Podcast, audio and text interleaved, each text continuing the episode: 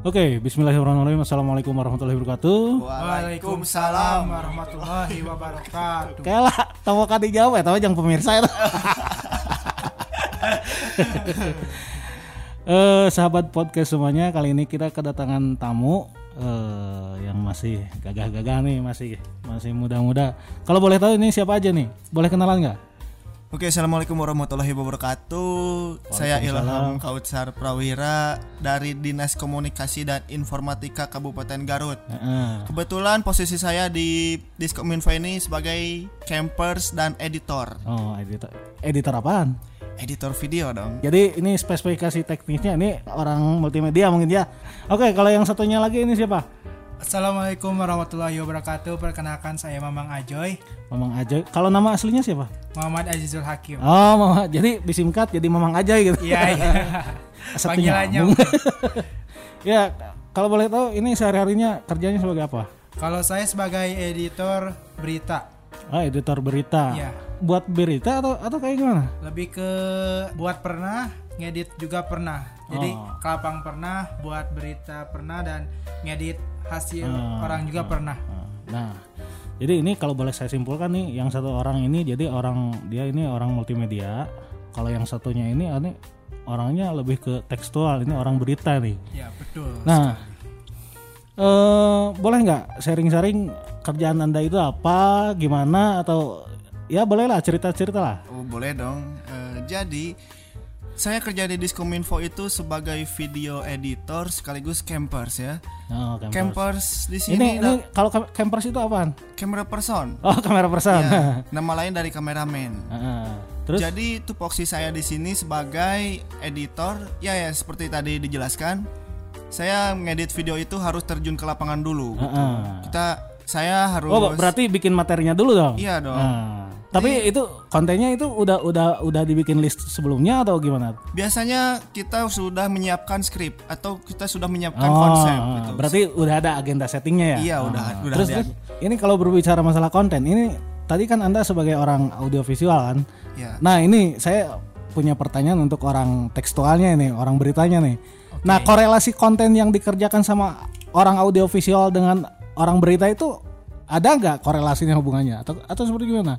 Untuk korelasi sih sebenarnya setiap konten itu pasti ada korelasi Ah. antara eh, audiovisual dengan kontekstual. Soalnya saat kita melakukan eh, misalnya pencarian konten di lapangan pasti akan ada hal-hal menarik ataupun hal-hal yang bisa di- kita publish di rilis media Nah, dan itu eh, bisa di- biasanya ditemukan saat kita ke lapangan seperti itu. ah. Entah itu misalkan eh, berita terkait kedinasan ataupun berita yang lainnya pokoknya saat kita ke lapangan pasti ada hal unik atau hal yang bisa kita angkat menjadi sebuah rilis Ah, ah. seperti itu. Oh seperti itu. Nah ini nanti kan setelah konten itu dibikin, nah ini kan udah berupa jadi konten yang siap publish nih. Ya. Nah ini boleh tahu nggak gimana cara supaya banyak yang nge-like, banyak viewers gitu? Ada trik-trik rahasia atau gimana? Oke, mungkin dari saya dulu untuk kita upload ke YouTube, gimana sih caranya? Oh ini pak, ini jalurnya YouTube kan? YouTube dulu Ya. aja. Kalau boleh tahu channelnya apaan? Garut Cub TV. Oke. Jangan lupa subscribe. Oke, jadi trik yang pertama adalah kita harus nyiapin kata-kata yang istilahnya tidak mainstream gitu. Ah, Misalnya kedatangan eh, tokoh-tokoh besar ke Garut, misalnya ada Ridwan Kamil meresmikan alun-alun. alun-alun misalnya. Nah, di situ tugas saya sebagai video editor, saya otomatis tahu ini konten video ini akan diarahkan ke mana gitu maksudnya. Jadi nah di sini Jadi eh, harus harus tahu ini pasarnya mana gitu Iya, kan? nah harus harus seperti itu. Selanjutnya saya akan membuat eh, kata-kata bagaimana sih video ini biar bisa meledak gitu. Maksudnya meledak tuh bisa booming gitu. Iya seperti itu. Lalu bikin thumbnail. Nah di sini juga thumbnail sebagai formula buat bagaimana sih video ini biar bisa booming, biar bisa viral gitu, biar view Ya banyak. ya kalau nggak booming kalau nggak viral minimal menarik gitu kan? Iya menarik seperti itu. Nah kalau kalau buat Aji sendiri nih gimana? Kalau untuk yang kontekstual sih sebenarnya kita eh, menjual dari judul. Nah, Kalau misalkan kita itu harus eh, mempunyai judul yang ketika eh, orang itu lihat berita, mereka langsung tertarik bagaimana ketika lihat judul mungkin ya. ya, ya maksudnya ketika lihat judul mereka langsung tertarik untuk baca eh, rilis dari kita. Ah. Cuman yang harus jadi perhatian itu eh, bukan hanya bombastis judulnya namun isinya juga harus tetap eh, Hmm. istilahnya gimana ya relevan dengan judul gitu enggak istilahnya Ya, judul ja- nggak nggak bombastis. nggak clickbait gitu ya kan nah gitu kita juga harus bisa mempertanggungjawabkan eh, hasil kita kayak Ya. gitu Nah terus ini ada rasa canggung nggak? Apa ada gaya bahasa yang jadi berubah atau seperti apa? Sebenarnya kalau misalkan dari gaya bahasa eh, is- hampir sama sih seperti misalkan memperhatikan EYD yang baik dan benar Ah, terus eh, memperhatikan juga verifikasi konfirmasi dan lain-lain Itu kayak etika jurnalistik Iya, mungkin ya. Iya. Eh, lebih ke sana ke arah sana sih. Cuman kalau untuk konten, kalau dulu untuk buat konten susah gitu. Soal izin dan, dan yang lain-lain. Kalau untuk sekarang kalau misalkan mau bikin konten atau mau wawancara ke Justru lebih mudah ya. ya lebih mudah kita lebih dipermudah kayak Oh lah yang punya lah. gitu. Betul.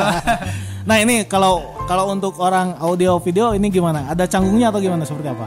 ada canggung pasti ya eh, ada perbedaan gaya di antara Hmm. kebetulan saya content creator sebelumnya Uh konten creator itu apaan? Pembuat konten gitu di Oh, YouTube. pembuat konten di Jadi YouTube. eh, ada perbedaan style antara konten creator yang sudah saya jalani dan pembuat konten di dinas gitu. Di, dina- di pemerintahan. Iya, ya. maksudnya di pemerintahan.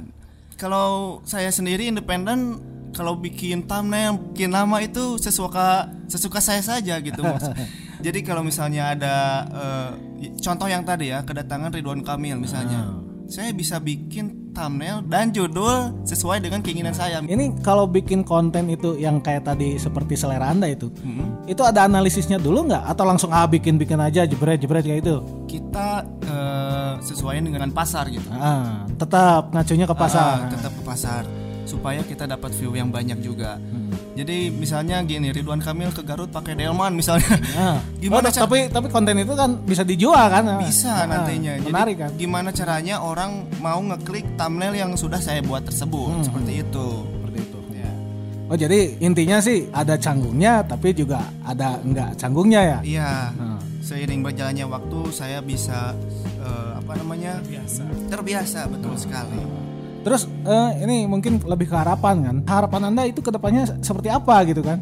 Harapan dari saya emang ini sebagai jalan juga bagi saya istilahnya untuk memperdalam ilmu kejurnalistikan khususnya karena eh, selain ladang ilmu ini juga menjadi berkah karena istilahnya mendapat lah dari eh, pemerintah. Iya, cair, cair, cair. Pelting. meskipun ya meskipun begitu misalnya kita mempunyai resiko dan tanggung jawab yang besar eh, bekerja di pemerintahan kita juga harus bisa mempertanggungjawabkan apa yang kita lakukan jadi Profesional lah. ya Ah. profesional harapan saya sih ke depannya bisa lebih baik mengabdi kepada pemerintahan di Diskominfo khususnya dan bisa memberikan eh, tahun depan kita insya Allah mau memberikan hadiah berupa Ya wording Insya Allah. semoga Amin. Nah, ini kalau yang satunya lagi ini harap- harapannya gimana ini? Harapannya untuk diri saya sendiri kerja di Diskominfo ini eh, bisa mengupgrade diri sendiri tentunya ya. Oh, jadi Dengan- berapa giga RAM-nya? Tentunya dengan teknik learning by doing tadi, insya Allah diri kita bisa terupdate gitu ya, terupgrade maksudnya. Terus insya Allah saya memberikan yang terbaik dengan mengangkat nama baik Garut sebagai se- sebagai saya seorang PR juga. Tugas saya di sini adalah bagaimana caranya memperbaiki atau menaikkan citra baik dari Kabupaten Garut ini tentunya. Eh, apalagi sekarang kan justru yang kalau lihat di internet itu justru yang tenar-tenarnya itu kok yang negatifnya terus kan. Tapi jarang kan ada orang yang istilahnya mau eh, menggali sebetulnya Garut yang positifnya itu belah mana kan gitu seperti itu kan. Nah, Justru orang lebih suka yang negatif-negatifnya. ah, jadi sekarang itu eh, orang-orang eh, lebih memilih bad news is good news bukan Ah. good news is good news ah, ah, kayak gitu ah. Mungkin orang-orang lupa mungkin ya good news is good news. Kalau bad news ya udah beda. itu. iya kayak gitu Gitu. Nah, ini yang yang paling terakhir nih ada ada pesan-pesan nggak buat generasi kita yang sekarang yang justru lagi booming-boomingnya ke TikTok, ke ya yang kayak kayak gitulah. Apa pesan-pesannya seperti apa? Pesan-pesannya adalah jika kalian bikin TikTok, kalian itu harus bisa menghasilkan duit dari TikTok tersebut ya. Jangan jangan bikin video asal-asalan tapi kita nggak dapet apa-apa gitu dari apa yang telah kita lakukan. Kecapek-capek gitu Nah, ya. itu seperti itu karena Jadi sebetulnya kalau bikin konten TikTok itu gak masalah. nggak masalah. Yang Ah. penting di era pandemi ini yang penting cuan ngalir gitu. Nah, cuman itu. ngalir. Iya. Nah, Yang penting eh, positif, bermanfaat Nah, ya seperti orang oh, lain, Bagus, iya. bagus juga, bagus juga. Terus yang satu lagi. Kalau dari saya sebenarnya eh, untuk berkarya itu di mana pun tempatnya kalian boleh berkarya asalkan yang tadi karyanya harus tetap positif dan mengajak orang lain untuk Ah. positif juga karena kalau misalkan kita istilahnya karyanya negatif terus disiarkan di berbagai media sosial itu Jadi bisa kalau berdampak juga kan dampaknya juga dosanya berlipat ganda menurutnya. seperti itu, kayak gitu. Ya, harus sieun atuh dah. iya betul Soalnya seko- mungkin orang sekarang kan lupa kalau misalkan kita bikin konten negatif terus diulang, diulang, diulang, ya mungkin sih dosanya juga ikut ke ke si pengirim kontennya juga kan pembuat kontennya. Ah, benar, benar. Biasanya kalau bikin konten itu kan harus ada closing statement. Iya. Nah ini closing yang paling closing closing dari kali ini ini apa? ada dari saya mungkin lebih moto sih Oh lebih hidup moto. ya. Ma- From- moto teh itu yang yang suka kalau ada ngebaso gitu tulisan moto gitu. ya betul betul betul Gua gua gua. oke jadi moto saya tuh from zero to hero Oh from zero to hero. Kalau udah jadi hero terus mau ngapain? Harus jadi be hero tetaplah tetap Ah, tetaplah jadi hero. nah, sekarang yang satunya lagi nih. Ini closing yang paling closingnya itu seperti gimana? Be yourself and never surrender. Lah, kayak lah artinya tuh tengah arti orang lain. Artinya adalah kita harus tetap menjadi diri sendiri Ah. dan tetap harus survive. Ya. Bagaimanapun rintangan di depan, kita harus tetap survive dan melompati rintangan-rintangan tersebut. Ah, Karena kita di depan tidak tahu ada apa. Barangkali ada berlian atau Ah. apa dan lainnya. Tapi kalau kalian dapatnya jong, itu adalah takdir kalian memang seperti itu mungkin. harus terus harus terus survive Harus survive tetap.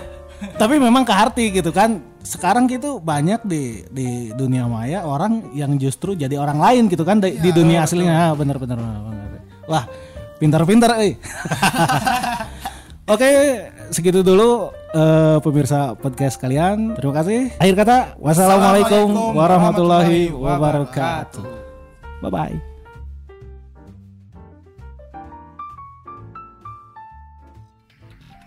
Garut Kab.